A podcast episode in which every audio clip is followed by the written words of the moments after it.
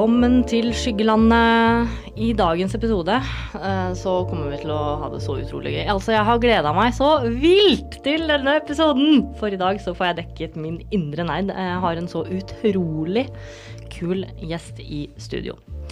Eh, Denne personen er professor i sitt felt. Han har hatt TED-talk om sjalusi. Han har deltatt i sju TV-serier i Norge og Danmark, og i tillegg til en rekke radioprogram i Norge og i utlandet.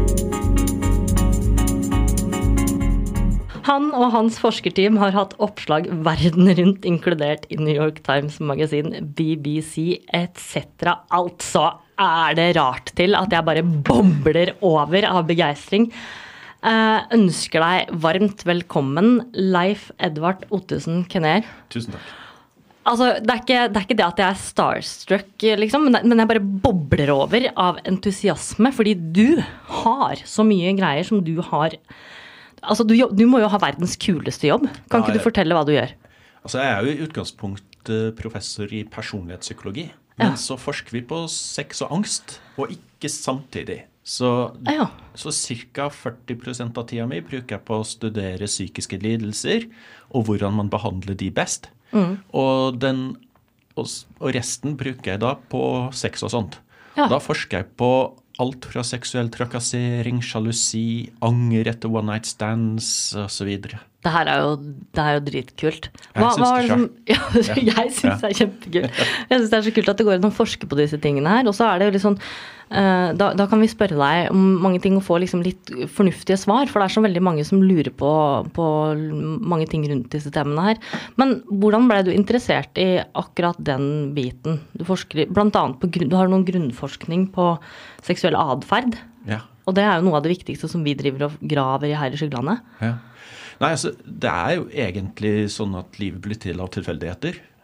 Så i dette tilfellet så var det slik at etter at jeg skrevet hovedoppgaven min om evolusjonspsykologi, så begynte jeg van i vanlig psykologjobb. Eh, men underveis så sendte jeg da hovedoppgaven min til noen av verdens fremste forskere. Og, og de likte den. Altså En helt vanlig hovedoppgave ble da gitt fryktelig mye positiv oppmerksomhet. Og det medførte at vi begynte å samarbeide litt. Og han ene, David Buss, han er jo en av verdens aller fremste psykologiske forskere uansett eh, hva skal vi si, stilart. Eh, og han eh, anbefalte meg til et internasjonalt prosjekt om seksuell eh, atferd og individuelle forskjeller. Ja. Og før jeg visste ordet av det, så hadde vi forskningssamarbeid på mange forskjellige temaer. Og, Så og sånn sett så var det ikke det jeg hadde tenkt at jeg skulle forske på, men uh, det var nå det det ble. Det var det det ble. Og det må jo sies at det er spennende. Det er jo det. Hva har det liksom, hva, hvis du sier sex, altså grunnforskning på seksuell atferd, kan du ikke bare si litt grann om det, sånn at vi Altså- vet hva, hva er det vi snakker om her nå? Ja vi, vi kan jo ta det fra et utviklingsperspektiv. Mm. Hvordan er det folk eh, utvikler sitt seksuelle repertoar av atferder? Altså, hva, hva begynner man med? Går man gradvis fremover? Og er det sånn at personlighetsforskjeller selv i tenårene kan gjøre at man hopper litt fort frem, eller tar ting litt mer rolig? Altså, begynner man med litt sånn eh, ta på hverandre over klærne før man begynner å ta under klærne, eller er det noen som hopper rett til samleie? Og det er jo en av tingene. Vi ser jo på spørsmål av typen uh, Ja Tinder-bruk. Vi ser på Vi ser på sjalusi. Vi ser på anger. Vi ser på Så det er, det er på en måte sånn at vi, vi har forska på så mange forskjellige områder, men ofte knytta til sex, pardannelse eller prosesser i parforholdet.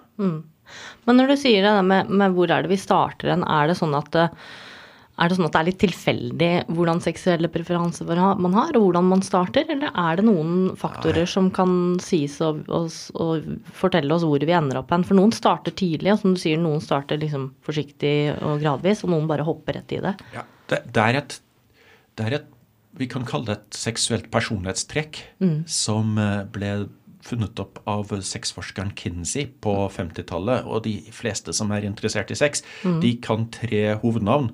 Masters Johnson og Kinsey. Så Kinsey er en av grunnleggerne av sexologi, som, eller sex- og atferd-forskningsfeltet. Og han har da dette begrepet som heter for sosioseksualitet. Okay. Og det er et stort og flott ord, Fint men vi kan, eh, vi kan jo forsøke å forenkle det. Mm. Og hvis jeg skulle forenkla det fryktelig mye, så ville jeg sagt det er interessa til folk for korttidssex. Så, Ja. så i hvor stor grad er det one night stand-orientert? Og så er det utrolig mye som følger av det. Ja. Fordi jo mer, du, jo mer du er opptatt av sex på grunn av Og nå skal jeg overforenkle igjen, sånn at det er ikke lov å bli sint nå. Men hvis man tenker mer feminint, så er sex om følelser og relasjon og nærhet og intimitet og langtidsforhold og kjæresterier. Og hvis vi skal nå overforenkle igjen og sette en akse i andre enden og kalle den maskuline, så er det overflatisk fysisk komme og gå. Wham bam, thank you, ma'am. Det er helt riktig. Og så, hvis man da tenker at dette her er ikke en, et mål som forteller oss mye om hvorvidt man er trofast i parforhold. Dette er et mål som sier hvor keen man er på one night stands. Og det her er noe som menn scorer høyere enn kvinner på internasjonalt. Så når man ser på mange forskjellige kulturer Det er et mål som differensierer mellom kjønn i nesten alle kulturer. Men det fins også svær overlapp mellom kjønnene. Så vi kan bruke det som en, en faktor, en, nesten som et personlighetstrekk. Så vi kan si dette er folks seksuelle personlighet. Ja, nemlig. Og det måler vi på tre måter. Og så må dere bare stoppe meg når jeg begynner å bable, fordi Ja, ja. det ble fryktelig mye professorspellegning her. Jeg skal hjelpe til med å få forenkla ting. Ja, nemlig. Eh, Så det som, det som vi gjør, at vi spør folk ni spørsmål. Tre av de går på rett og slett hvor mye atferd man har hatt. Men atferd alene sier ikke så mye, for det finnes mange menn i verden som gjerne skulle hatt veldig mye atferd, uten at de får mulighet til å ha så mye atferd. Og så spør vi om hvor, så hvor mye one night stand-atferd og partnere har du hatt. Og så spør vi hva holdningene dine til, til one night stands. Og da stiller vi spørsmål av typen Sex uten kjærlighet er ok. Jeg kunne følt meg eh, komfortabel med å ha sex med en person som jeg ikke har noe forhold til eller ikke kjenner. Og så spør vi det tredje spørsmålet, som går på lyst og fantasier. I hvor stor grad fantaserer du om folk eh, seksuelt som du nettopp har møtt? Hvor mye har du lyst til å ha sex med folk som du nettopp har møtt? Og som sagt, på det første spørsmålet så tror folk at det skal være forskjell på kjønna, men det er det ikke. fordi i heteroseksuelle forhold så må det være én fra hvert kjønn i alle disse relasjonene. Så de tallene skal bli forholdsvis like. Så er det en, en liten til moderat forskjell på holdninger, Det menn er litt mer uh, unrestricted, som vi sier på engelsk. Altså litt mindre De har ikke så, tilbakeholden. ja, det har ikke de samme begrensningene. Nei. Også når vi kommer til lyst og fantasier, så scorer mennene mye høyere enn kvinner i snitt. Men er det fordi at kvinner er litt sånn Er vi litt begrensa av moral, eller er det fordi at vi bare er sånn av natur, eller? Ja, Hvis jeg skulle si noe, så vil jo de moralske begrensningene komme av naturen. Mm. Eh, og så vil jeg si at naturen kommer jo av kjønnsorgan og forplantingssystem. Ja. Og eh, når jeg spør eh, studentene mine hva er minsteinnsatsen til en kvinne, så sier de ni måneder, og det er jo ikke riktig, for det er nærmere ti. Folk bommer på den Ja, hele ja, tiden. ja. Eh, og så spør jeg dem hva minsteinnsatsen til eh, en gutt, og husk at dette er da 19-20-åringer, så ti sekunder. Eh, og, og det er jo et tall som øker med alder, da. Ja, de Men- håper det øker eh, eksponentielt med alder. Men ja. Ja. Mm. Men det som er viktig å få med seg der, det er at one night stands for kvinner har kostnader. Som er langt større enn eh, Mm. På hvilken, for på hvilken måte Ja, altså, i forhold til graviditet, ja. Mm. Så for, eh, for oss som har et evolusjonært perspektiv på det her, Mm. så er spørsmålet ikke hvilke moraler vi har i samfunnet vårt i dag, Mm. men hva slags konsekvenser ville denne atferden ha hatt for oss for si 150 000 år siden Mm. på savannen i Afrika. Ja. Ikke sant? Og det forklarer en god del av de følelsene som, som vi har i dag, som er knytta til relasjonelle ting, da, som Ja. skam og sjalusi og anger og, og disse tingene som du virkelig forsker på. Ja, og, og det gjør at når vi måler dette her, uh, dette her eh, personlighetsmålet, så er det slik at de unge og de studentene og de voksne som har forskjellige grader av korttidsorienterthet, det påvirker seksualiteten deres i mange forskjellige retninger. Sånn at jo mer man er interessert i det fysiske aspektet med sex, ja, for å si det enkelt, i parforhold så tenker vi at vi finner at parforhold der kvinnen i Norge, i et likestilt land, tenker at sex det er mer fysisk. Da kommer jo ikke oppvasken eller den metaforiske oppvasken så mye i spill i Nei. senga. Nei. Og da kan man jo ha sex selv om ikke relasjonen er superduper. Ja. eh, Sånn som menn kan Ja. generelt. ja. Um, og det øker frekvensen av eh, samleier i de forholdene. Ok, så, så det har noe med liksom litt mindsettet til, Ja, til kvinner og menn å er gjøre. akkurat. Er det forskjell på, på For du nevnte det her med heteroseksuelle forskjeller. Er det forskjell på de holdningene der i heteroseksuelle forhold og i, i ho, mer homogene forhold? Homoforhold, lesbiske Ja. forhold, andre poli, poliforhold f.eks.? Det er jo mm. kjempeinteressant, for da har man jo helt andre tanker rundt det der. Så det er veldig enkelt å svare på et eh, generelt nivå. At dette vil påvirke atferd uavhengig av grunnorientering. Sånn at jeg har jo stilt dette spørsmålet til noen av verdens fremste eksperter, fordi man tenker at kanskje menn eh, som har sex med menn, kan ha mer sex, spesielt korttidssex. Og det stemmer, men det er jo ikke alle menn som er høy på SOI. På SOI. Altså Hva- se sosioseksualitet. Ah, ja. Akkurat det målet vi snakker om. Så, så det målet avgjør mer enn orientering. Så, så noen konservative, ordentlige, ryddige menn som er veldig opptatt av det relasjonelle aspektet i kjærlighetslivet sitt, de vil være trofast og ikke ha mange partnere. Mens eh, andre menn vil kunne utnytte det faktum at menn generelt sett er mer interessert i korttidssex. Ser du det samme i lesbiske forhold? Nemlig. Så her har vi det, det problemet at hvis vi skulle prøve å overgeneralisere, så, så kommer vi til kort. Det gjør vi. Og husk Det- på alle lyttere at det finnes unntak i alle. Det her er ikke Ja. noe fasit. Ja, det, det er generalisert. Og, og, og her får vi da det at kvinner generelt Mm. er lavere på dette målet. Og det gjelder også for lesbiske kvinner. Mm. Så det er svaret mitt. Ja, Ja. spennende. Så man får litt mindre uh, av det typisk korttidsseksuelle Mm. inni mm. de forholdene. Har dere sett noe på hvordan det fungerer i polyamorøse forhold?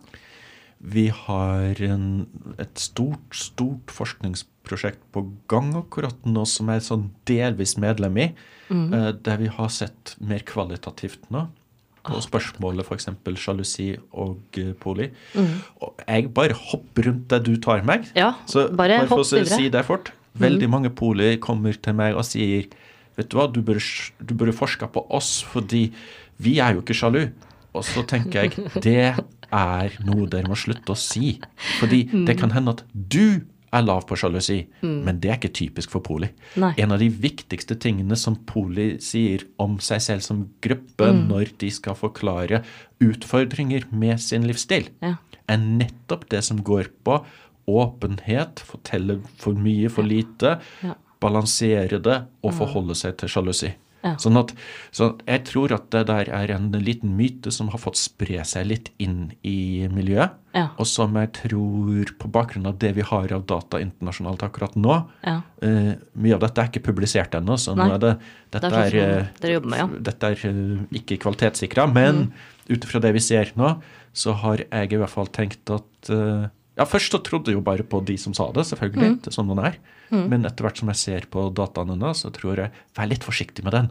For jeg tror at hvis man har den tanken, eh, så kan man komme i konflikt med partnerne sine. Men eh, Leif Edvard, du har snakka litt om, om det her SOI. Kan vi, um, kan vi Sosioseksualitet. Sosioseksualitet. Hva er det?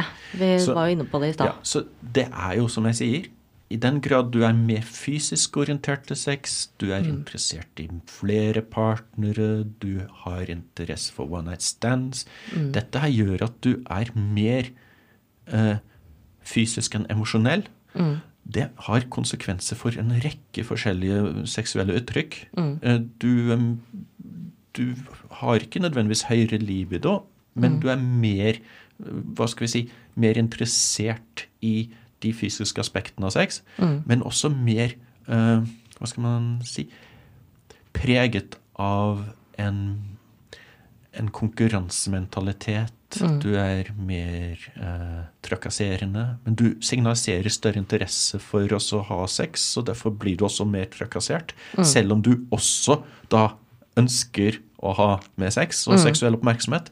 Så det blir, en, det blir en sånn fasett ved personligheten vår som kommer i tillegg til ekstroversjon og andre personlighetstrekk, og gjør at vi får en, en helt eh, annen type uttrykk på seksualiteten Ja. enn de som er lav. Ja.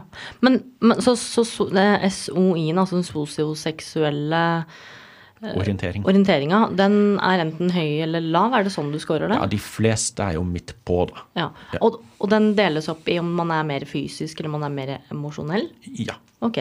Så det er, det er liksom øh, hvordan seksuell personlighet du har. Ja. Vil dette her kunne fortelle noe om, om hva slags øhm, om hva slags preferanser du har? Jeg tenker litt sånn innenfor kink-verden og sånn. Jeg vet ikke Altså- om du har forska så mye på det, men Mm, Vi har forska litt på voyeurisme, ekshibisjonisme, Mm. men eh, vi har ikke forska på kink sånn konkret. nei. Nei.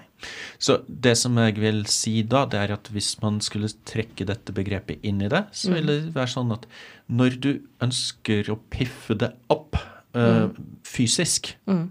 Fremfor å fordype deg emosjonelt og intimt, Mm. så er jo det ofte på den aksen som vi snakker om da. Mm. Sånn at når man har problemer i sexlivet, så kan man jo velge to forskjellige måter å gjøre det på. Mm. Man kan bruke sensitivitetstrening og bli nærmere hverandre og, kose og snakke dypt og innstendig med hverandre mens man ser hverandre dypt, dypt inn i øynene. Å, det hørtes så koselig Ja, ut. det er koselig. Det er koselig. Eller man kan finne frem noe leketøy. Ja. Og det kan også være koselig og Det gøy. kan være koselig Er det koselig som er ordet? Jeg er ikke sikker på at det er koselig som er ordet. Jeg er koser meg det- veldig Ja, men Det er derfor jeg spør. Fordi jeg tror at hvis man legger kose, intimitets, eh, Mm. nærhetsbiten på den ene aksen, og, eller akseenden, og så Mm. trekker man den bort mot det fysiske og mer aktiverende og nyhetssøkende og Mm. opplevelsessøkende på det fysiske aspektet, Mm. så, får man, så ser man at eh, noen vil være der eller der, Mm. eh, og det vil forklare en del av interessen for sånne ting. Mm. Men jeg har jo snakka med mange som, eh, som driver med, med BDSM og, og kinker og sånne type ting, og så, og så har jeg jo vært litt innafor det sjøl. Og jeg vet ikke, men mange sier jo at dette her er um, både og for dem. At det Ja. er at man liksom opplever dype, dype emosjonelle forbindelser samtidig Ja. som at man har den der fysisk høye, aktiverende Har dere sett noe på det? Kanskje, Nei, vi har kan ikke du det. begynne å forske på det, Leif Edvard? Uh, altså, først så må jeg bli ferdig med det jeg holder på med. Men og det her er et viktig poeng. Ja. I forskning okay, I går tror jeg var den store likelønnsdagen, der veldig mange mennesker i Norge går rundt og tror at alle kvinner jobber gratis resten av året, og det stemmer ikke. Fordi hvis man er forenkla i forskning, så lager man forskning som ser på én variabel.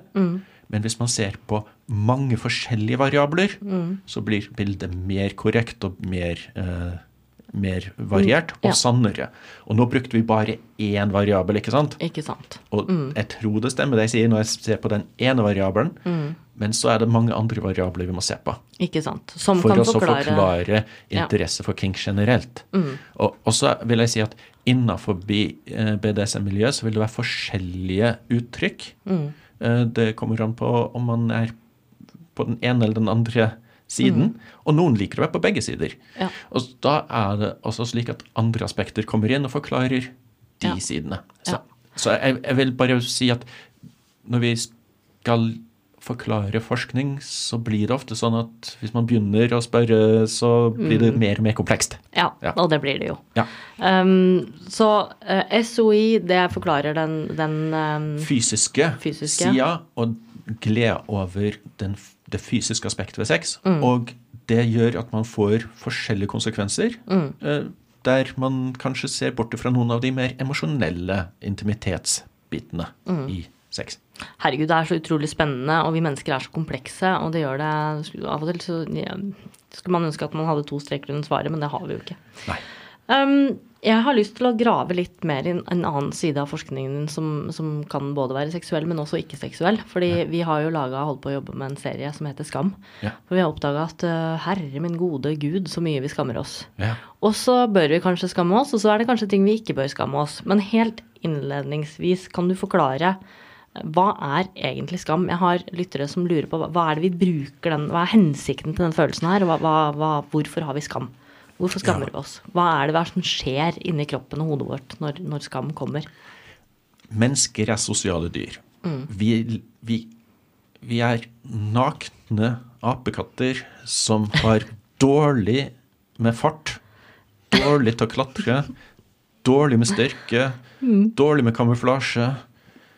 Eh, Vi har ikke verken våpen eller eh, utrustning biologisk sett som gjør oss spesielt farlig eller dyktig. Når du sier det på den måten, så skjønner jeg ikke hvordan vi har overlevd. Nei, det er det som er greia. Vi har overlevd Hvordan fordi vi har hverandre. Ja, For vi er hypersosiale. Vi er blant de mest sosiale dyrene som tenkes. Tenk, tenk om du skulle sendt rotter eller bavianer til Syden. De hadde Mm. drept hverandre og hatt sex med hverandre på flybussen. Ja. Så hadde de drept hverandre og fortsatt slåssinga og sexinga på flyplassen. Mhm. Og når de kom frem, så hadde de pilt av gårde inn i skyggen og blitt borte. Mennesker, vi kan Ja. sette Altså, tenk T-banen i eh, London. Ja. Vi står tett i tett i tett med folk som vi aldri har møtt før og aldri kommer til å møte igjen. Mm. Ingen andre dyr fikser noe sånt som det der. Nei. Men vi har hverandre, Mm. og det gjør at det å holde oss sammen, det er utrolig viktig. Det å bli utstøtt fra gruppa er det farligste i hele verden for et menneske. Mm. Så vi trenger foreldrene våre, vi trenger familien vår, vi Mm. trenger stammen vår, vi trenger klanen vår, vi trenger den svære gruppa vår. For Mm. uten dette så er vi null og niks verdt, og vi har en fantastisk kort eh, overlevelseshorisont. Ja. Så, så det å skamme seg handler i svær grad om tilpasning til gruppas verdier og eh, vurderinger av en selv. Og man opplever sitt selvverd og sin eh, betydning og sin eh, verdi for gruppa som lavere. Og man vurderer seg opp mot hvordan de andre nå eh, tenker om en. Og så internaliserer man den følelsen, hovedsakelig i den hensikt å regulere atferden vår. Sånn at Ja. vi slutter å gjøre det som har satt oss i en situasjon der vi ehm, der vi antar at andre vurderer oss som mindre verdt. Så skam har en evolusjonell verdi, vi skal overleve. Men eh, hva, sånn emosjonelt sett, hva skjer med oss når vi skammer oss? Altså, folk kjenner jo på kroppen, de kjenner det i magen, de kjenner det på en måte hovedsakelig på sin opplevelse av å ha verdi. Mm. De opplever seg som mindre verdt. De opplever seg som mindre eh, verdt i en sosial sammenheng. Da. Eh, de føler seg guffen som menneske. Og, og dette kan vi si dette er jo helt kurant for oss å koordinere grupper og få regulert atferd. Men du stilte et veldig viktig spørsmål. Når skal vi skamme oss, og når skal vi ikke skamme oss? Ja. Og jeg tenker jo at i den grad vi klarer oss å bruke denne her eh, opplevelsen til å tilpasse vår sosiale atferd og, mm. og eh, eh, hindre at vi eh, begår sosialt uintelligente handlinger i gruppa vår, så er dette en fin ting. Men som klinisk psykolog så tenker jeg at skam skal ha, et, ha en varighet som er veldig kort og regulerende. Ja. Og vedvarende skamming tror jeg ingenting på. Nei. Men det gjør vi ganske mye, gjør vi ikke det? Ja, og det, det er det her er det som jeg syns er litt frustrerende med oss. Vi gjør mye rart som Mm. Ja, ikke er lurt evolusjonært. Ja. Så selv om du kan si at skam Altså, du bør gjøre det gruppa forventer av deg for at ikke gruppa skal bli så forbanna på deg at de straffer deg. Det, er, det er en fornuftig ting. Det, er en- ja, det Men- høres lurt ut. Men vi, vi har jo f.eks. forska på anger, som er litt knytta til skam. Mm. Og eh, anger er jo verdens mest populære negative følelse. Mm. Fordi folk tror at anger hjelper. Ja, hva, hva gjør vi det? Nei, det gjør jo ikke det. For eksempel, vi har jo forska altså Jeg husker ikke akkurat nå hvor mange artikler om eh, seksuell anger vi har. Jeg tror vi har fire-fem artikler Ja, om det er fire-fem, ja. Ja. Jeg sjekka det i går. Nemlig. Og, og det som er så fascinerende, at nesten alle av dem begynner med å fortelle at anger er nyttig, for det hjelper oss å gjøre bedre valg i fremtiden. Men etter hvert som vi holdt på å jobbe med dette, her, så begynte jeg å diskutere med min internasjonale mentor og samarbeidspartner. Har det egentlig noen effekt? Altså, jeg veit om mange mennesker som gjør det samme feilen om og om igjen om igjen. Og bare 'Å, jeg Ja. angrer, jeg skal ikke gjøre det igjen'. Ja, fordi- Drikking er et kjempegodt eksempel. Jo, men tenk, nesten alle livsstilssykdommene våre består av at vi angrer oss, og så gjør vi det igjen. Mm. Fordi alle tar den siste sjokoladebiten eller siste kakestykket eller den Ja. siste ølen eller den ekstra shotten på slutten av kvelden kvelden eller, den, ja. eller og så videre. Eller ikke trener, eller ikke melder seg ut av treningsstudien, og de betaler uten å trene osv. Folk gjør jo disse tingene, og livsstilssykdommene våre hovedsakelig angerbefestede Hva skal vi kalle det? Ja. Sjelemessige søleputter. Der vi holder på med dette kontinuerlig til ingen nytte. Så da angrer vi, og så skammer vi oss over at vi har gjort dette her. Og så Ja. angrer vi, og så er det bare en sånn sirkel med anger og skam. Og, og så er det faktisk sånn at eh, de fleste kliniske psykologer er vel egentlig opptatt av at eh, negative følelser ikke er nødvendigvis de beste måtene å endre atferd på. Mm. Sånn at straff er ikke den beste måten å lære noe som helst på. Det sier til og med beveristen Skinner. Ikke Så, sant? så her er greia. Vi har tre-fire artikler der vi sier Se her, dette er grunner til at folk eh, angrer. Mm. Og grunnen til at vi angrer, det er at det hjelper oss å gjøre bedre valg i fremtiden. Og så måtte jeg til slutt gjøre studien. Har det faktisk noe effekt? Mm. Så gutter angrer seg mest over at de ikke har tatt sjansen når de hadde muligheten til en one night stand. Mm. Veldig, veldig veldig få jenter tenker etterpå Å, søren, og jeg skulle hatt sex med. Men, men gutter har en tendens til å komme hjem fra byen og tenke Å, søren, da hadde jeg sjansen, den skulle jeg tatt. Ja. Når vi venter i fire måneder, og så spør vi de som angrer mest sist, Mm. om de har nok en gang latt en eh, mulighet gå fra seg, Mm. Så viser det seg at de som lar muligheter gå fra seg, de er jo lavere på sosioseksualitet. ja. Og er derfor lar de mulighetene gå fra seg. De Ja. er ikke Altså, de kan være gutter, og de kan komme til å angre seg på at de ikke tok sjansen, Mm. men de kommer ikke til å ta sjansen neste gang heller. Nei. Så anger har ikke en, en opplærende effekt. Det er Nei. ikke sånn at 'å, det var dumt, da skal jeg gjøre noe annet neste gang'. Nemlig. Og jentene, da, som hovedsakelig var de som angret seg på at de hadde hatt sex, Mm. de tenkte vi åh, hvordan skal vi hvordan skal vi sjekke om anger etter å ha hatt en one stand fører til ny atferd? Vel, det er jo noen åpenbare ting. Ja. Man kan velge bedre partner. Mm. Man kan ha færre one night stands. Mm. Eller man kan få seg kjæreste. Mm. Uh, og de som angrer mest blant jentene, de skaffa seg ikke bedre partner. Nei. Fortsett å angre. Ja. De eh, hadde ikke færre one night stands. fortsatt å angre. ja. Og det var lavere sannsynlighet for at de skaffa seg kjæreste. Ok, så det er ingen læring der heller, Ingen altså. læring. Og her er greia. Når vi spør folk hva er favorittnegativ følelse, så svarer de anger fordi det skal gjøre oss bedre. Men, men jeg jobber jo med andre sånne ting. Jeg jobber jo med bekymring hos folk med generalisert angst. Mm. Og der tror jo folk at bekymring hjelper oss. Og det gjør det ikke. Nei. Og det prøver å lære dem. Det er behandlinga. Så vi prøver å lære folk å slutte å bekymre seg. Og vi gjør det samme med folk som er deprimert, som grubler. De tror at grubling hjelper. Det gjør jo ikke det. Og uh, vi prøver å lære dem å slutte å gruble. Så folk blir provosert av det, men jeg sier slutt å angre. Det har ingen hensikt i det hele tatt. Men hvordan slutter vi å angre, og hvordan slutter vi å skamme oss? Fordi akkurat det her med skam, det er jo eh, Vi har så mange ting man skammer seg over. ikke sant? Vi har sånn kroppsskam, vi har økonomisk skam, vi har altså mange Flyskam. kategorier. Flyskam, vi har eh, kjøttskam og Ja. klimaskam, og vi, Ja. det det bare, lista bare blir lengre og lengre. Men også, Ja. ok, så, så skammer jeg over meg den valken på magen eller de cellulittene. Altså, hvordan slutter jeg å skamme meg over de tingene der? Ja, slutt å prosessere på det hele tiden. Ja, ikke Fordi sant? det er du som velger om du skal prosessere det hele tiden. Mm. Så hvis man kjenner etter på valken sin, Mm. og ser på den i speilet, og så prosesserer den mentalt, Mm. da har man jo opprettholdt den atferden. Men vi sammenligner oss jo med fordi at vi har et samfunn, ikke sant. Og, Ja. og vi har jo altså Det er litt tilbake til hva skal vi skamme oss over, og hva skal vi ikke Ja. skamme oss over. Denne gruppa har jo fortalt meg via media at Ja. sånn og sånn bør man se ut, ikke sant. Og denne vinkelen er fin, og denne vinkelen er ikke så fin, ikke sant. Sånn at Jeg tror ikke det er media som har skapt dette, altså. det er ikke det. Nei. Nei. Da kan du Det, det tror jeg ikke Nå må du sette meg på plass. Ja, men uansett. Enkelt og greit. Mm.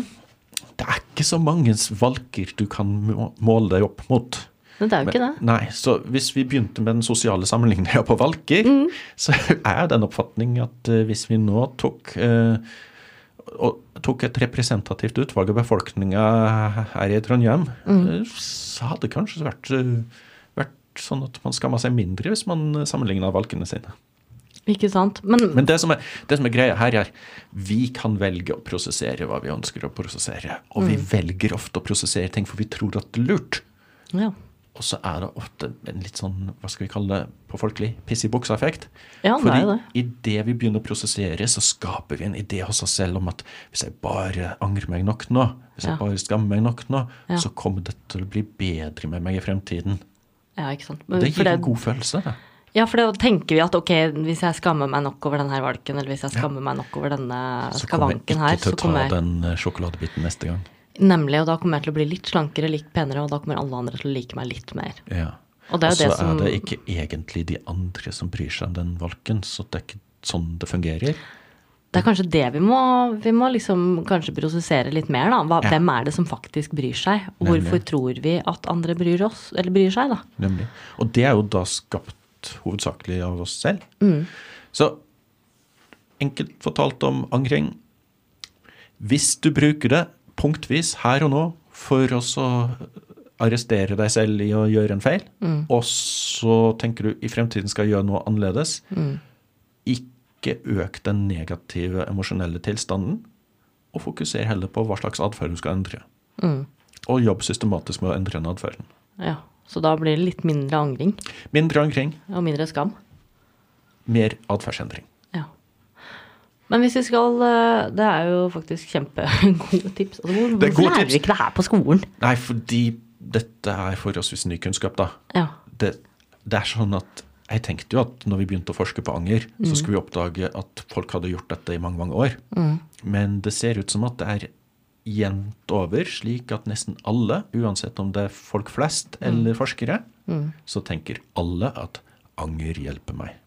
Ja, ikke sant. Og det er jo fascinerende. Når man får en sånn idé, og det sprer seg, og alle mener det, så er det jo ingen som sjekker. Så vi er faktisk blant de få som har sjekket om det faktisk hjelper. Og jeg vil ikke si at vår forskning er på noen måte endelig. Jeg bare sier det er den eneste jeg vet om akkurat nå som har sjekka om det virker. Og svaret på det er nei. Men som jeg sier, hvis folk reflekterer bitte litt, så vet de at de tingene de angrer seg mest over i livet altså i den katolske kirken så skal man jo angre seg for å få synstilgivelse. Ja, jeg begynner å le, for jeg jeg har mine bestemte meninger om hva religion gjør med oss, og, Ja. lurt og ikke lurt. Men ja, man skal angre for å få synsforlatelse. Riktig. Betyr det at etter et par skriftemål så er vi alle helgener? Ikke sist jeg sjekka. Nei. Og dette har vi holdt på med siden Moses sin tid. Ja, vi har skrifta mye. ja, Så min mistanke er at eh, de valkene vi har, Ja. eh, skyldes både den manglende treningen og den økte spisingen. Og den har man angret på mye uten at det har hjulpet. ja. Så det som jeg sitter igjen med etter vår studie, det er spørsmålet hvordan er det faktisk mulig at så mange forskere og så mange folk flest tror på angerens kraft, Ja. når det faktisk er så iøynefallende at det virkelig, virkelig ikke virker. Og her er svaret mitt så langt. Jeg tror vi angrer oss hovedsakelig Altså Når vi har hatt en one night stand med en person vi ikke skulle ha hatt one night stand med, så må vi fortelle venninnene våre hvor utrolig teit det var. Er det derfor vi angrer oss? Ja, Vi må fortelle folk at vi mente ikke å gjøre det. Ja. At vi egentlig ikke er den personen. Vi må fortelle dem at vi er en bedre person. Så det tror jeg har en funksjon. Ja. Og så tror jeg én ting til, og det er det som er kalt den piss i buksa-effekten. Den gode, varme følelsen av ideen om at jeg skal bli et bedre menneske. Åh, den er god. den, er Den er herlig Ja, for da har jeg bestemt meg for at nå Ja. blir jeg bedre. Nei, du har ikke bestemt deg. Jo, du har, nei, du har bare du har bare trøstet deg selv med en forbipasserende idé om at 'å, nå skal jeg bli så god'. Jeg har bare pissa i buksa, rett og slett. bare i buksa. Det blir jævlig kaldt. Det blir fryktelig kaldt etterpå. Valken vokser. Faen! Jeg tenkte jeg skulle, tenkte jeg skulle eh, hoppe over den der hvite wienerbrødet etterpå, for å si det sånn. Ja, fader heller. Jeg vil ha wienerbrød. Du, du driter i den valken. Du angrer ikke på valken. Jeg kommer til å angre etterpå, men bare kort. Bare veldig kort. Ok, det er bra. Vi har, vi har hatt et, eh, en liten pause og spist et skammelig godt wienerbrød. Eh, angrer du? Nei, altså jeg vil heller takke vertskapet for et nydelig wienerbrød. Bare hyggelig. Det var, eh, det var veldig hyggelig å kunne, kunne tilby deg et eh, wienerbrød som var skammelig godt, og som du ikke angrer på. Absolutt ikke. Eh, jeg angrer egentlig ikke, jeg heller. Jeg har lyst til å si at jeg angrer meg, men jeg gjør ikke det, Ja. for det var jævlig godt. Det var akkurat så, det. Så det var, eh, det var til og med litt sjokolade i det. Å, det Elsker sjokolade. Det var nydelig. Ja, det var det. Så, så da skal vi ikke angre oss over det, og, og heller ikke skamme oss over det deilige wienerbrødet. Men jeg har lyst til å, å snakke litt med deg om et annet tema som du har uh, forska og jobba mye med, og som er uh, ofte en litt sånn uh, liten sånn verkebyll hos mange, og det er dette temaet sjalusi. Vi mennesker, vi er sjalu. Og, og sjalu er jo en følelse som ofte har blitt uh, sagt, satt i en negativ sammenheng, for vi skal ikke være sjalu. Er, du er ikke noe kul og grei og snill og hyggelig. Du vil ikke ha en sjalu kjæreste. Ja, men jeg har også prøvd å få folk til å tenke på det motsatte. Um, hvis uh, kjæresten aldri er sjalu, hva sier det om forholdet? Hvis kjæresten bryr seg katten om hva du holder på med, er, det, er det et tegn på at dere ikke er i et forhold, kanskje? Ikke sant? Og så, prøver jeg liksom å tenke sånn her at uh, sjalusi er jo en følelse, det også, som har en eller annen hensikt. Men jeg tror nok heller at vi må snakke litt mer om at uh, hva man gjør med sjalusien, og hvordan det kommer til uttrykk, kanskje er sunn eller usunn. Vi skal ta oss dit senere, men først så vil jeg spørre deg om For du har jobba mye med det her, og det fins flere typer sjalusi, og sjalusi har jo en funksjon. Ja. Kan ikke du fortelle hvorfor blir vi sjalu? Hva, hva skal dette her gi oss for noe? Ja, så Når jeg skal forklare her, så prøver jeg å ta folk med på en liten tidsreise til en tid der vi ikke eksisterte engang. Men vi, vi stammer jo ikke fra apene. Nei. Apene og vi stammer fra en annen art som er formor og forfar for oss begge. Og for ca. 6-7-8 millioner år siden så var pygmesjimpanser og sjimpanser og mennesker eh, ikke-eksisterende. Men det fantes en annen art foran i forløpet til våre arter.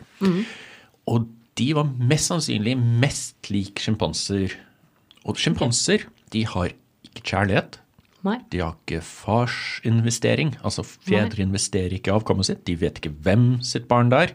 Eh, Noe som man tenker er lurt, for da, da dreper ikke de andre han barnet. Det er jo det er Så det, lurt. det er lurt at ja. ingen vet hvem som er far. Um, men de investerer ikke. Nei. Så, Så de, hvis- de er liksom ok, vær så god, her har du sperm, lag Ja, barn, sayonara. De er er Mm. De har seg De mye. knuller med alle. Ja, Alle sånn er med det. alle. Sånn er det. sjimpansesex. Yes. Med veldig, veldig små peniser. Ja. Eh, på den størrelse. ok. Så Ikke størrelsen de- som betyr noe der. Ikke for sjimpanser. Eh, Og den blir jo da erigert i stor grad med hjelp av litt mindre emosjon og litt mindre blodtilførsel og litt mer uh, penisbein og sånt. Ja. Så det her er en annen art med en annen seksualitet og en annen relasjonsdannelse. Men her er en spennende ting. Straks man putter inn monogami til en viss grad, og farskapsinvestering i avkommet fordi menneskearten sånn som vi evolverte, krever veldig mye innsats fra, fra flere enn én person. Straks man putter sånt inn, så vil jo de naive hannene som investerer i antatt eget avkom, være evolusjonære blindgater hvis de ikke begynner å bry seg om spørsmålet hvem sitt barn er dette egentlig? Ja, fordi hvis de da oppdrar noen annen sitt barn, så er det jo ikke dems gener som kommer videre, og ergo så dør den linja ut. Og det betyr at vi har stadig seleksjon i retning av mannlig seksuell sjalusi. Ja. Så er det sånn at det er forskjell på menn og kvinner om hva som gjør mest vondt. Og når jeg underviser om dette her foran eh, store saler med 19-20 år gamle mennesker, som eh, 70-80% er jenter, så forteller jeg ofte denne historien her. Det er jul, Ja. og kjæresten din eh, har kjøpt en ring til deg. ja. men også, eller et smykke, for ikke å gjøre det for uh, dramatisk, eh, og et smykke til deg, og et smykke til sin nærmeste kollega på jobb. Hun har vært helt utrolig for ham. Hun har vært til stede for han og støttet og hjulpet, han. han hadde rett og slett ikke klart jobben hvis det ikke hadde vært for henne. De har vært så tett på hverandre i jobbsammenheng, men de har ikke hatt sex. Jeg lukter drama. De har ikke hatt sex. Ja. Det vet jeg som eh, den allvitende narratoren her. Og hva skjer? Nei, altså, det, altså det, I alle tilfeller så blir det jo drama. Ja. Det, er ikke, det er jo ikke greit. Men altså, dette det er jo en den- forretningsavtale. Ja, men den, verdien på den forretningsavtalen skal jo ikke være større enn verdien på det kjærlighetsforholdet. Nei, eh, den, er sånn bare, den er bare en tusing eller to dyrere enn det smykket du fikk. Ja. altså jeg ser, jeg ser Jeg ser liksom Hører lyden gjennom salen her Ja, det, det er en slags hveselyd. Ja, det er sånn Ja. ja. Eh, og det som vi kommer frem til etter en, eh, et forsøksvis meglingsforsøk fra min side, da, Ja. eh, det er at hun kan få en billig flaske vin istedenfor. Mm. Uh, og det, det syns jeg er eh, akkurat så uraust at det tyder på at det er noe som er på gang. Ja. Ja, det er jo det. For å trygge gutta så kjører vi den andre historien. Dama var på fest i helgen, Mm. Ja. drakk seg dritings, havna til sengs med en fyr. Men hun bruker prevensjon, så det er vel ikke noe problem. Har, er ikke han, hennes type. Nei. Bygons. Yes. Og, og eh, merkelig nok så er ikke mennene like mye med på den. Nei, de er ikke det, nei. De syns ikke det er så kult. Så Men, her men hvorfor det?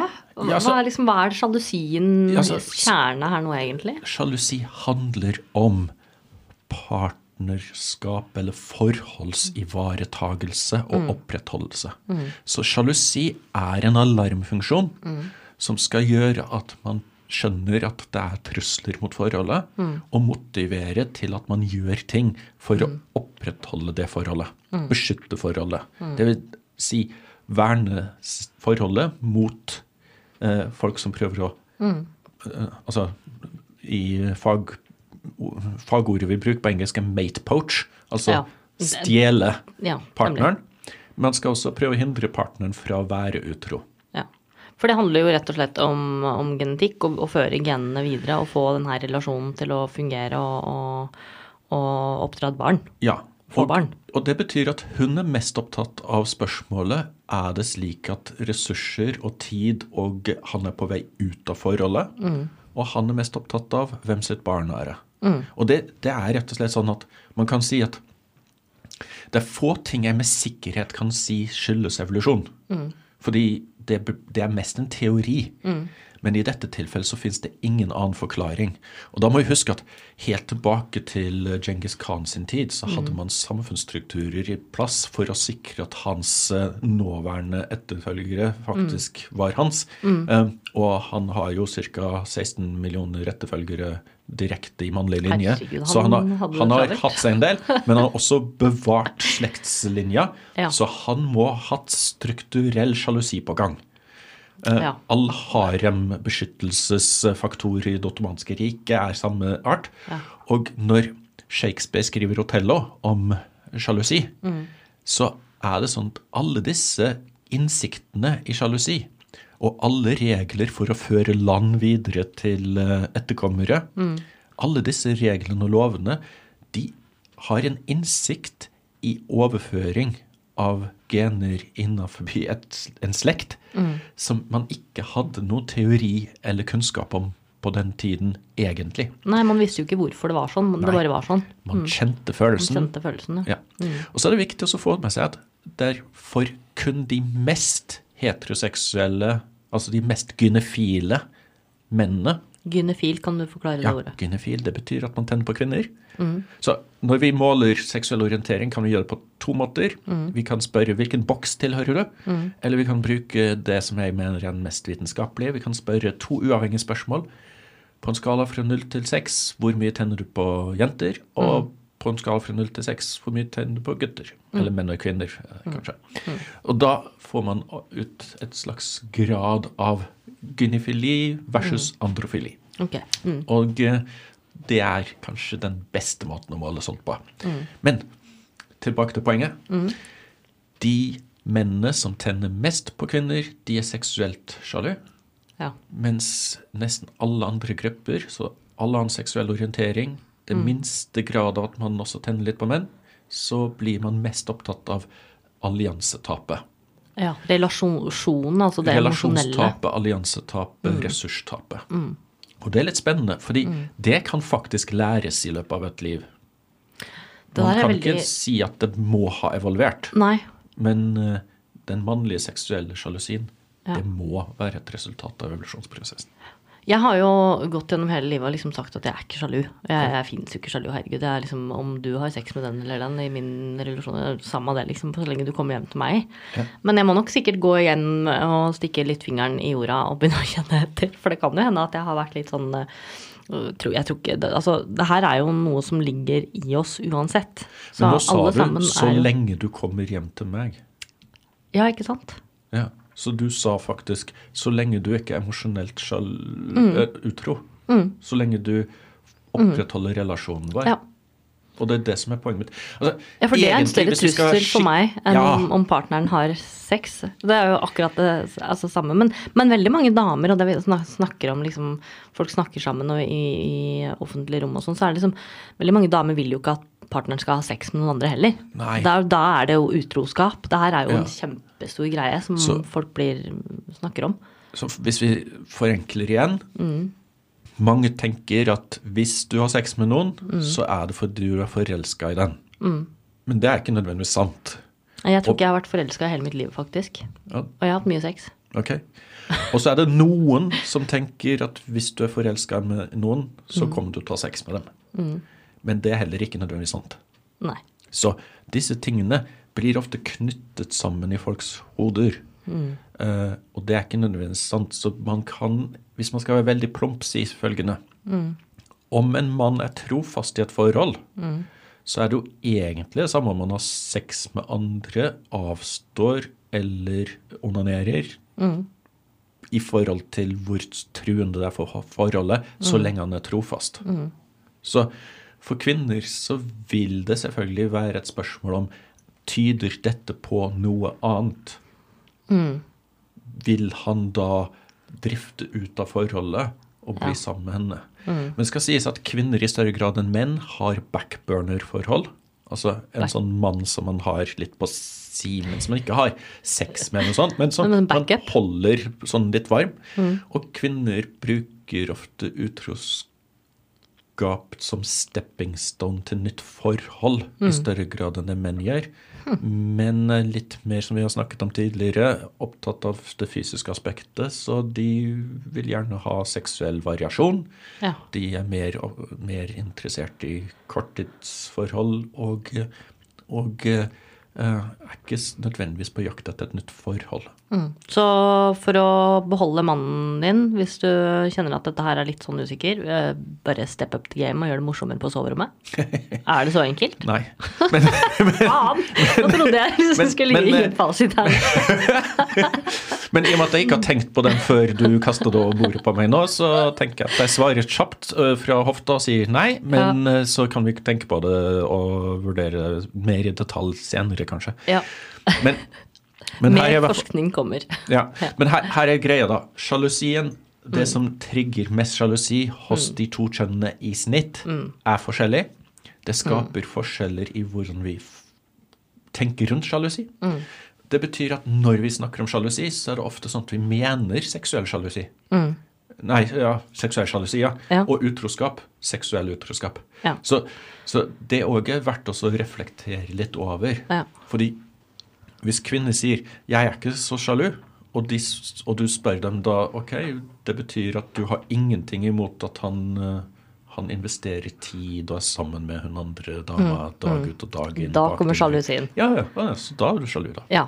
For, ja, for det kjenner jeg jo på sjøl at det, da, det, Ja. det, den liker jeg ikke helt. Men, men eh, for å liksom bare eh, ta det litt videre, vil du si at sjalusi endrer seg litt i faser av livet? Har det, en- er det en sterkere opplevelse av sjalusi i noen faser av livet enn andre?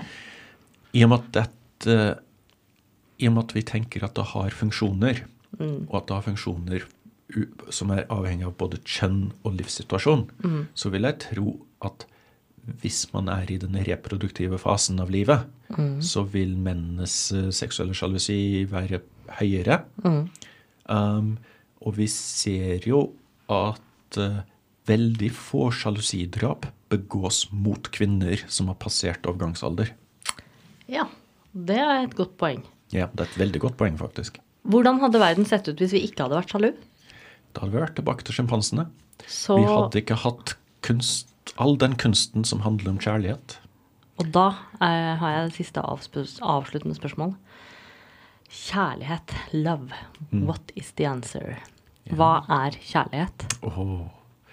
Skal vi ta det kjapt istedenfor en hel episode? Kjempekjapt, for det må vi tre Kjærlighet vi må ha en episode er om det. definert internasjonalt Mm. av tre faktorer. Intimitet, Mhm. forpliktelse Mm. og lidenskap. Der har vi fasiten, dere. Ja, Kjærlighet. Det er, det er eh, en modell som vi har forska på. Intimitet, forpliktelser Ja. og Lidenskap. lidenskap. Den er grei. Takk for, takk for det. Ja. Um, det har vært kjempegøy. Jeg håper vi kan jeg, altså jeg, jeg kommer til å dra deg hit flere ganger og lage flere dypdykk, for dette her kan vi virkelig grave mye om. Um, vi kommer til å legge ut eh, link til eh, Leif Edvard på våre sosiale medier, hvis det er greit. Så ønsker vi gjerne å gjøre det. Til dine sider og din forskning. Så de som vil vite mer om det, kan se, eh, se på våre sosiale medier om det her. Denne fantastiske mannen og hans flotte forskning, ta en titt på Instagrammen vår eller eh, andre sosiale medier vi har. Hvis du ønsker eh, noen temaer, eller om du har noe du lurer på som vi har snakka om i dag eller i andre episoder, så ta gjerne kontakt med oss. Vi er på Instagram, der heter vi Skyggelandpodden. Du kan sende en mail til skyggelandpodden at gmail.com. Og vi behandler alle henvendelser anonymt hvis dere ønsker å være anonyme. Så ikke, man må ikke stå fram med navn og ansikt. Vi har også en hjemmeside som heter skyggelandet.no, og vi er på alle andre sosiale medier. Så ha en strålende helg. Vi høres neste uke.